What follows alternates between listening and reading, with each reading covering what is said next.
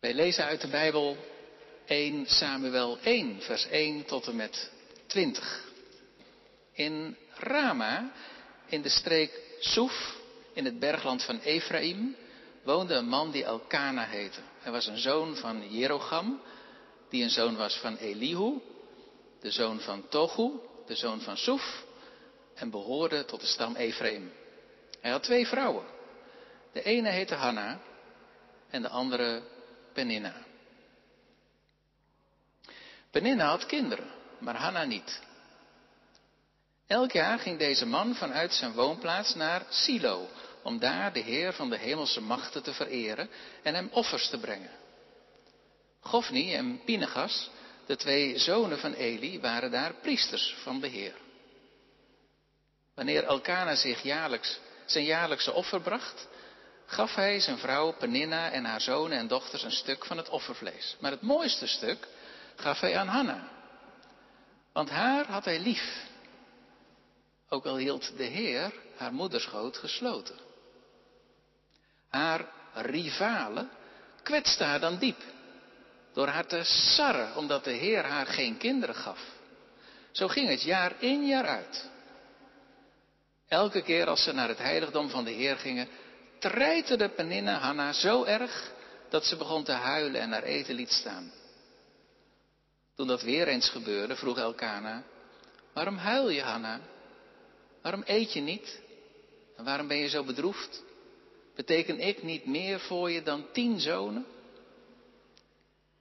Na de maaltijd stond Hanna op en ging naar het heiligdom van de Heer, waar de priester Eli op een bankje bij de ingang zat.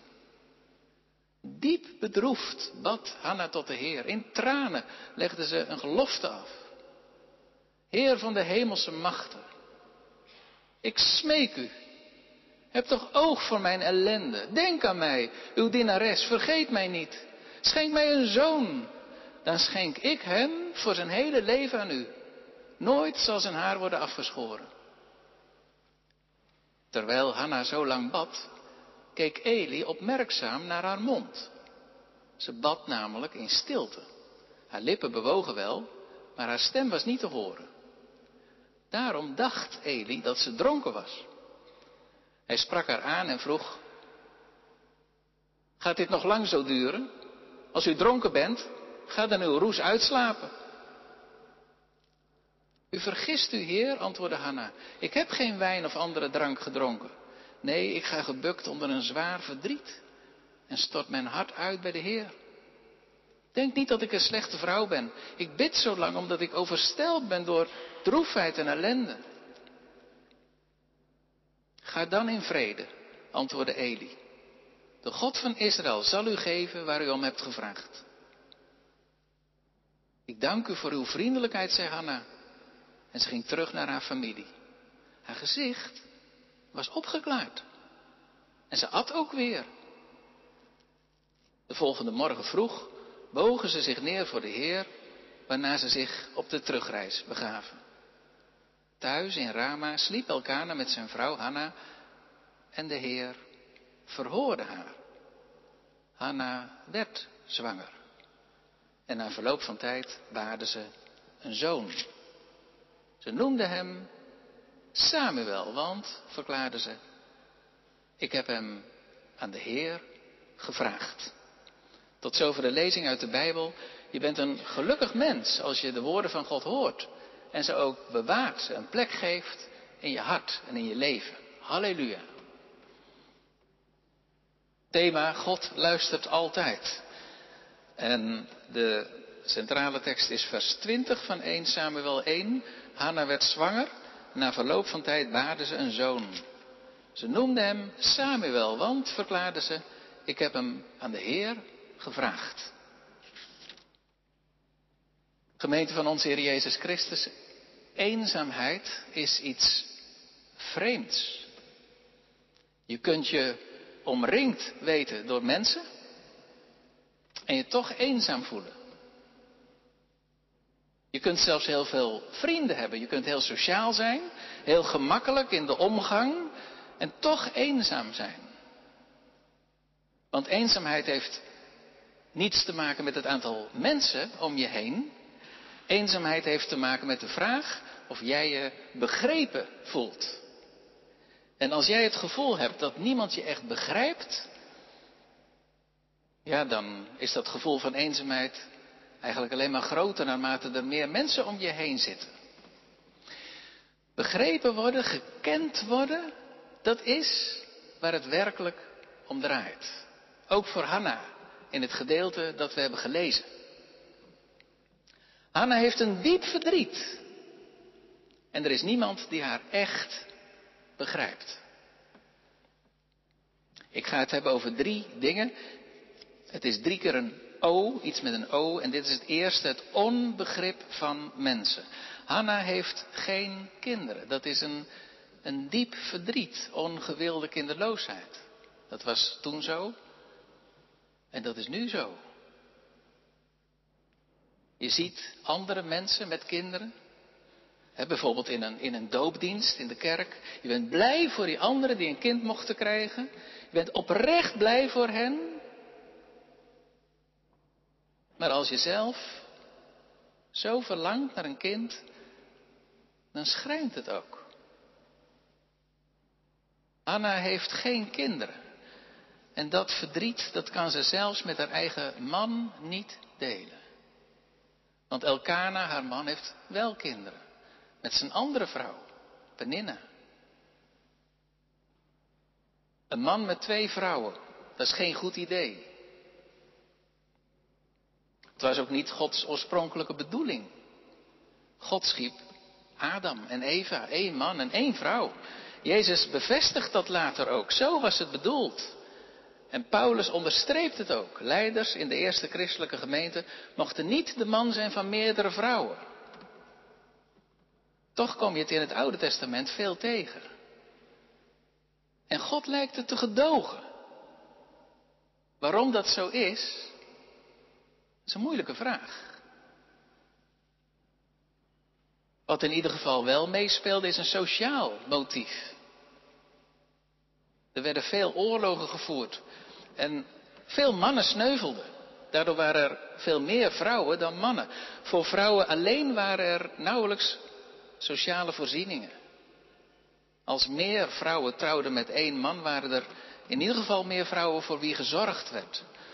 Maar voor de onderlinge verhoudingen was het absoluut niet gezond. Ook nu niet. Een second love.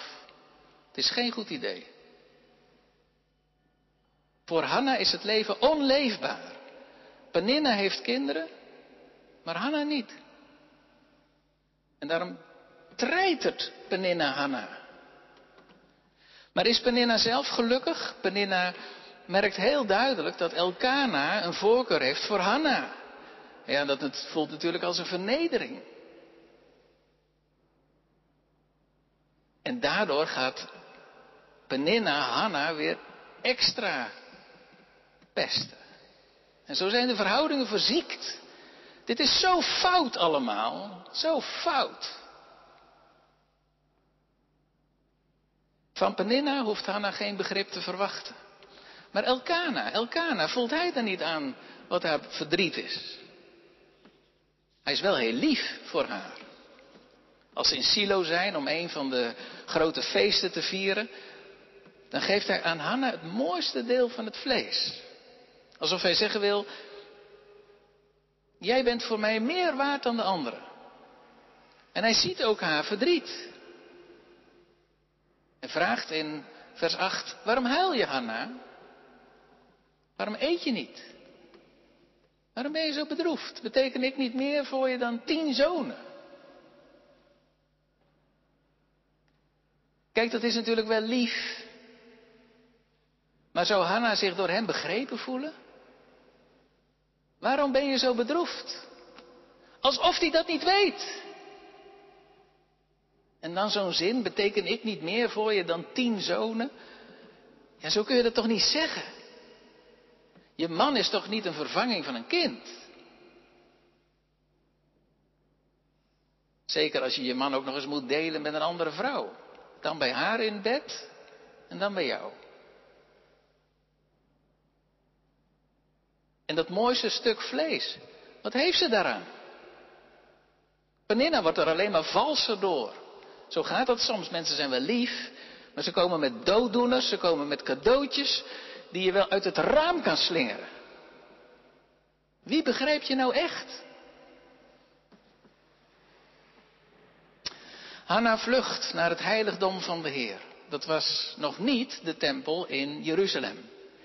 In Silo was de tabernakel opgebouwd. Hè? Dat draagbare heiligdom dat het volk Israël mee had genomen toen het aankwam in het beloofde land. Rondom die tabernakel, rondom die tent, waren wat stenen gebouwen neergezet. Dat was het heiligdom. En daar bij de ingang van dat heiligdom zit dan de oude hoge priester Eli. Hij ziet Hanna binnenkomen. En Hanna is daar wel erg lang in dat heiligdom. Wat doet ze daar eigenlijk? Hij ziet haar mond een beetje bewegen, maar hij hoort niets. De meeste mensen bidden hardop in die tijd. Zoals nog steeds Joden dat doen hè, bij de westelijke muur in Jeruzalem, de klaagmuur of in een synagoge. Maar Hanna bidt in stilte. En Eli, Eli denkt er het zijne van. Natuurlijk is dat mens dronken.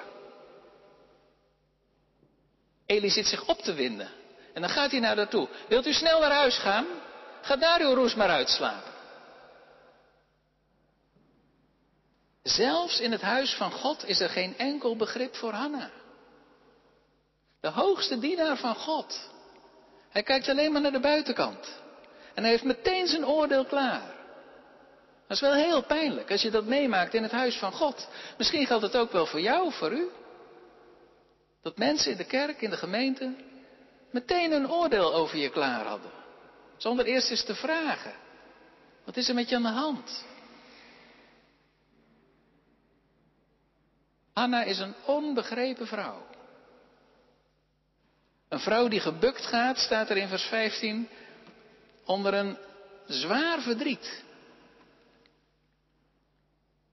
En dat kan ook zomaar gelden voor, voor u, voor jou. Zoals je hier zit of zoals je meeluistert. Misschien ook wel door kinderloosheid. Mensen die meteen een oordeel klaar hebben. Oh, je, ja, dat heb je met je carrière. Natuurlijk wil je daar eerst nog aan werken. Mensen die komen met goed bedoelde dooddoeners. Maar het kan ook op andere terreinen van je leven spelen. Een stil verdriet. Dat je met je meedraagt. Misschien wel verborgen achter een masker van vrolijkheid of stoerheid of sociaal bezig zijn. Maar wie begrijpt je nu echt?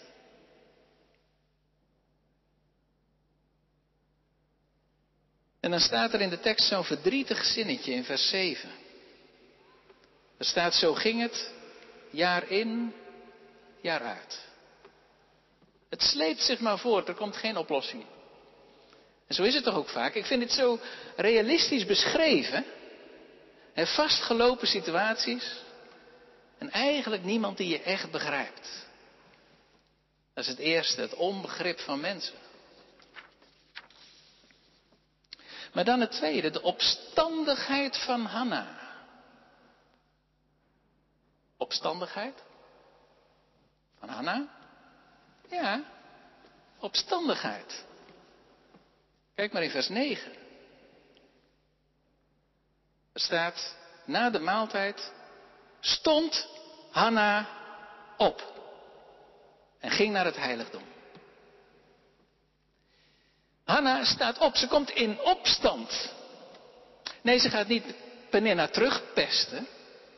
Ze gaat niet in discussie met Elkana. Ze wordt niet boos, ze gaat niet schelden, dat allemaal niet. Maar ze staat wel op. Het is nu genoeg. Ze berust niet langer in het onrecht, in het pestgedrag van Penina. En ze vlucht naar God. Ook tegenover God is ze niet opstandig. Nee, Hanna komt in opstand tegen het kwaad, tegen het onrecht. En ze doet dat door haar hele ziel en zaligheid uit te storten voor de Heere, de God van de hemelse legermachten.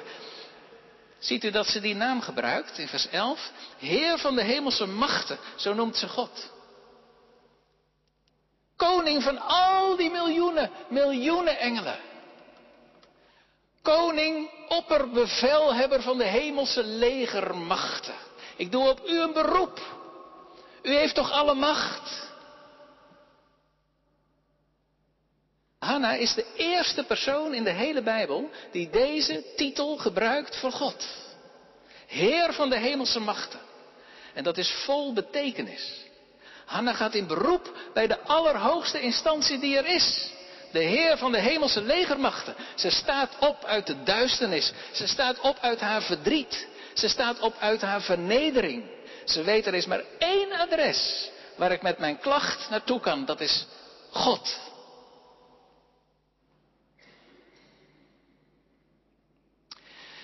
In vers 5 staat een moeilijk zinnetje. Er staat, ook al had de Heer haar moederschoot gesloten. Daar kun je veel over zeggen. Is dat zo? Is het Gods schuld als je geen kinderen krijgt? Is Hij dan echt degene die een moederschoot sluit? Je zou het ook heel anders kunnen benaderen. Je zou ook kunnen zeggen, God heeft de wereld goed geschapen. Dat is wat de Bijbel laat zien. Maar er zijn breuken en barsten gekomen. Er is verwijdering gekomen tussen hemel en aarde. Door de zonde van mensen. Uiteindelijk speelt Satan daar een rol in. Hij is degene die kapot maakt wat God zo mooi heeft geschapen. Kun je dat wel zeggen, dat God verantwoordelijk is voor kinderloosheid? Ik had zo'nzelfde soort gesprek met een echtpaar dat wel kinderen had, maar een van die kinderen was ernstig gehandicapt. Al vanaf heel jong. En toen hadden we het over die vraag, is God daar nou verantwoordelijk voor? Of is het, of is het de duivel? En toen zei de vrouw van het stel het nadrukkelijk, heel nadrukkelijk. René zei ze, je denkt toch zeker niet dat ik met mijn klachten naar de duivel ga? Er is er maar één met wie ik mijn klachten bespreek en dat is God zelf. En dat maakte mij stil. Uiteindelijk is er maar één die alle macht heeft. Ook al hield de Heer haar moederschoot gesloten. En precies daarom weet Hanna waar ze moet zijn. Bij de Heer van de hemelse legermacht en bij niemand anders. Niemand. Gebed is een vorm van opstandigheid. Wist je dat? Als je gaat bidden, kom je in opstand tegen de duisternis, tegen het onrecht, tegen het lijden van mensen. Je staat op, zoals Jezus is opgestaan uit het graf. Ik ben de opstanding, zegt hij. En omdat Hij de opstanding is, mag je met Hem opstaan in een nieuw leven. En elke keer als jij knielt, dan sta je op met Jezus. Je zou kunnen denken dat bidden, dat dat iets is voor, ja, voor, voor, voor, voor zwakkelingen, voor mensen die alle moed hebben verloren, mensen die apathisch achterover hangen, nou kunnen we alleen nog maar bidden. Het is precies andersom. Als je bidt, dan teken je beroep aan bij de hoogste instantie van het universum. En je zegt, Heere God, hoor mijn stem. God van de hemelse machten, doe uw werk, verbreek het duister, laat uw licht stralen. Ik las verschillende berichten over christenen in Afghanistan. Naar schatting zijn dat er vijf tot achtduizend. En nu de macht is overgenomen door de Taliban, verkeren ze in acuut levensgevaar. Sommige gelovigen vluchten naar het platteland, ze gaan naar de bergen, ze gaan naar ravijnen, ze overnachten in slaapzakken, proberen te overleven in de hoop dat ze uiteindelijk terug kunnen gaan naar hun dorpen. Sommige christelijke leiders hebben contact met iemand in het buitenland. Mondjesmaat komen berichten naar buiten. Het belangrijkste wat de Afghaanse christenen vragen is gebed. Ze vragen ons te bidden om bescherming, dat zeker. Om veiligheid. Maar ze vragen ook, en ze vragen juist, om geestelijke kracht. Gebed om geestelijke kracht. In het artikel staat dit. Elke kerkleider die mij heeft gemaild of ge-sms'd, heeft gevraagd of we wilden bidden dat de Heer hen zou versterken in hun geloof. Dat ze sterk zouden blijven in de Heer, die de soevereine koning is, zoals iemand het zei. Bid om een opwekking, zeggen de kerkleiders. En er zijn zelfs berichten over christenen die actief met de Taliban in gesprek gaan over geloof. Dat is levensgevaarlijk. Maar de christenen die dat doen, die zeggen, ik citeer, het kan ons niet schelen. We zijn hier omdat we van deze natie houden. We houden van onze mensen. En we gaan het evangelie hoe dan ook delen, zelfs als dat betekent dat we ons leven verliezen. Als je bidt, sta je op tegen de duisternis. Wat heb je te verliezen? Hanna zegt, Heer, als u mij een zoon geeft, dan zal ik hem aan u toewijden van jongs af aan. Hij zal een Nazireër zijn. Dat is iemand die aan God is toegewijd. Met als teken dat zijn haar niet zal worden geknipt. Hanna beseft waar het werkelijk om gaat. Dat dat kind in dienst van God zal staan. Dat het bij hem zal horen. Uiteindelijk is dat het allerbelangrijkste, ook voor ons. Het is het belangrijkste voor onszelf. En als we kinderen mogen hebben, ook voor onze kinderen. Dat je bij God hoort. Dat je toegewijd bent aan Jezus Christus. Dat is zo kostbaar, zo, zo mooi. Daar zijn geen woorden voor. Want zo sta je vrij en krachtig in de wereld. Je bent verbonden aan de koning der koningen. Het onbegrip van mensen. Daar hebben we het over gehad. En de tweede was de opstandigheid van Hanna. En de derde is het oor van God. Het luisterend oor van God. Want zo is het. De hemelse vader hoort zijn kind roepen. En Eli, de hoge priester, de man van het snelle oordeel, zegt nu iets wat wel hout snijdt. Ga dan in vrede. De God van Israël zal u geven waar u om hebt gevraagd. Hoe weet Eli dat? Dat kan hij toch niet weten? Of God het zal geven, maar hij zegt het wel. Want God wil dat hij het zegt. Ook al is hij een falende hoge priester, hij is nog altijd hoge priester. Zo werkt God ook nu nog. Soms zeg je iets als dienaar van God en je beseft zelf niet wat de rijkwijde is van de woorden die je gebruikt. En hoe God die woorden gebruikt, dat is wonderlijk. Hanna komt terug uit het heiligdom. En iedereen denkt, wat is er nou met Hanna gebeurd? Vers 18. Haar gezicht was opgeklaard. En ze at ook weer. Dat is de kracht van het gebed. Hanna is niet meer eenzaam. Want eindelijk is er iemand die haar wel begrijpt. Die wel echt luistert. En dat is haar hemelse vader. En dan in het jaar daarop, dan is het zover. Anna krijgt een zoon en ze noemt hem Samuel. En die naam betekent de door Gods verhoring geschonkene, oftewel gebedsverhoring.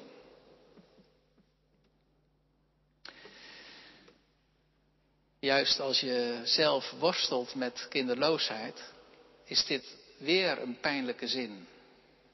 Natuurlijk, het is geweldig voor Hanna. Maar niet alle gebeden om een kind worden op deze manier verhoord. Zoals ook gebeden om bescherming niet altijd verhoord worden. In Nederland niet en in Afghanistan ook niet. Hoe zit dat dan? Houd één ding vast. God luistert altijd. Hij gaat zijn weg. Ook met jou. Hij hoort je stem als je roept naar de hemel.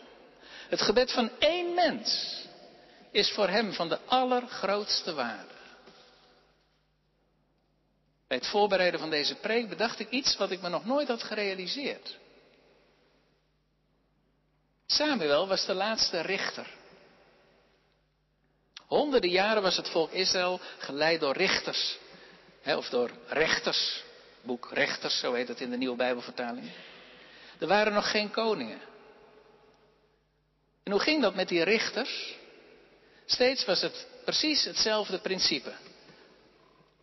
Het volk ging andere goden aanbidden, dat was het eerste.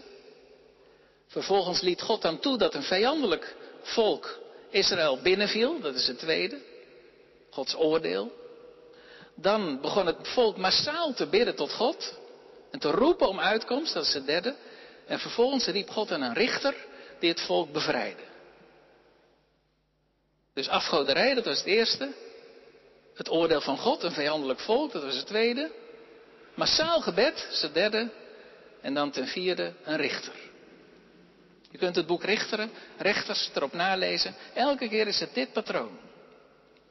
Maar deze laatste richter van Israël, Samuel, in feite ook de belangrijkste richter, die is niet door God geroepen omdat het hele volk massaal smeekt om hulp. Zo is die niet gegaan. Deze laatste richter van Israël, deze belangrijkste richter van Israël,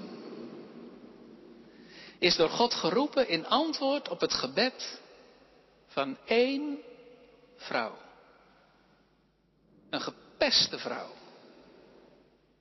Een wanhopige vrouw. Zij vluchtte naar de Heer. En God gaf haar Samuel. En Samuel werd door God gebruikt om later David tot koning te zalven. En uit het koningshuis van David werd de Messias geboren, Jezus Christus. Als je het zo bekijkt, kun je zeggen, die hele geschiedenis die toeloopt naar David, en vervolgens via David naar de grote zoon van David, naar Jezus, die hele geschiedenis begint met God die luistert naar het gebed van één vrouw. Een wanhopige vrouw.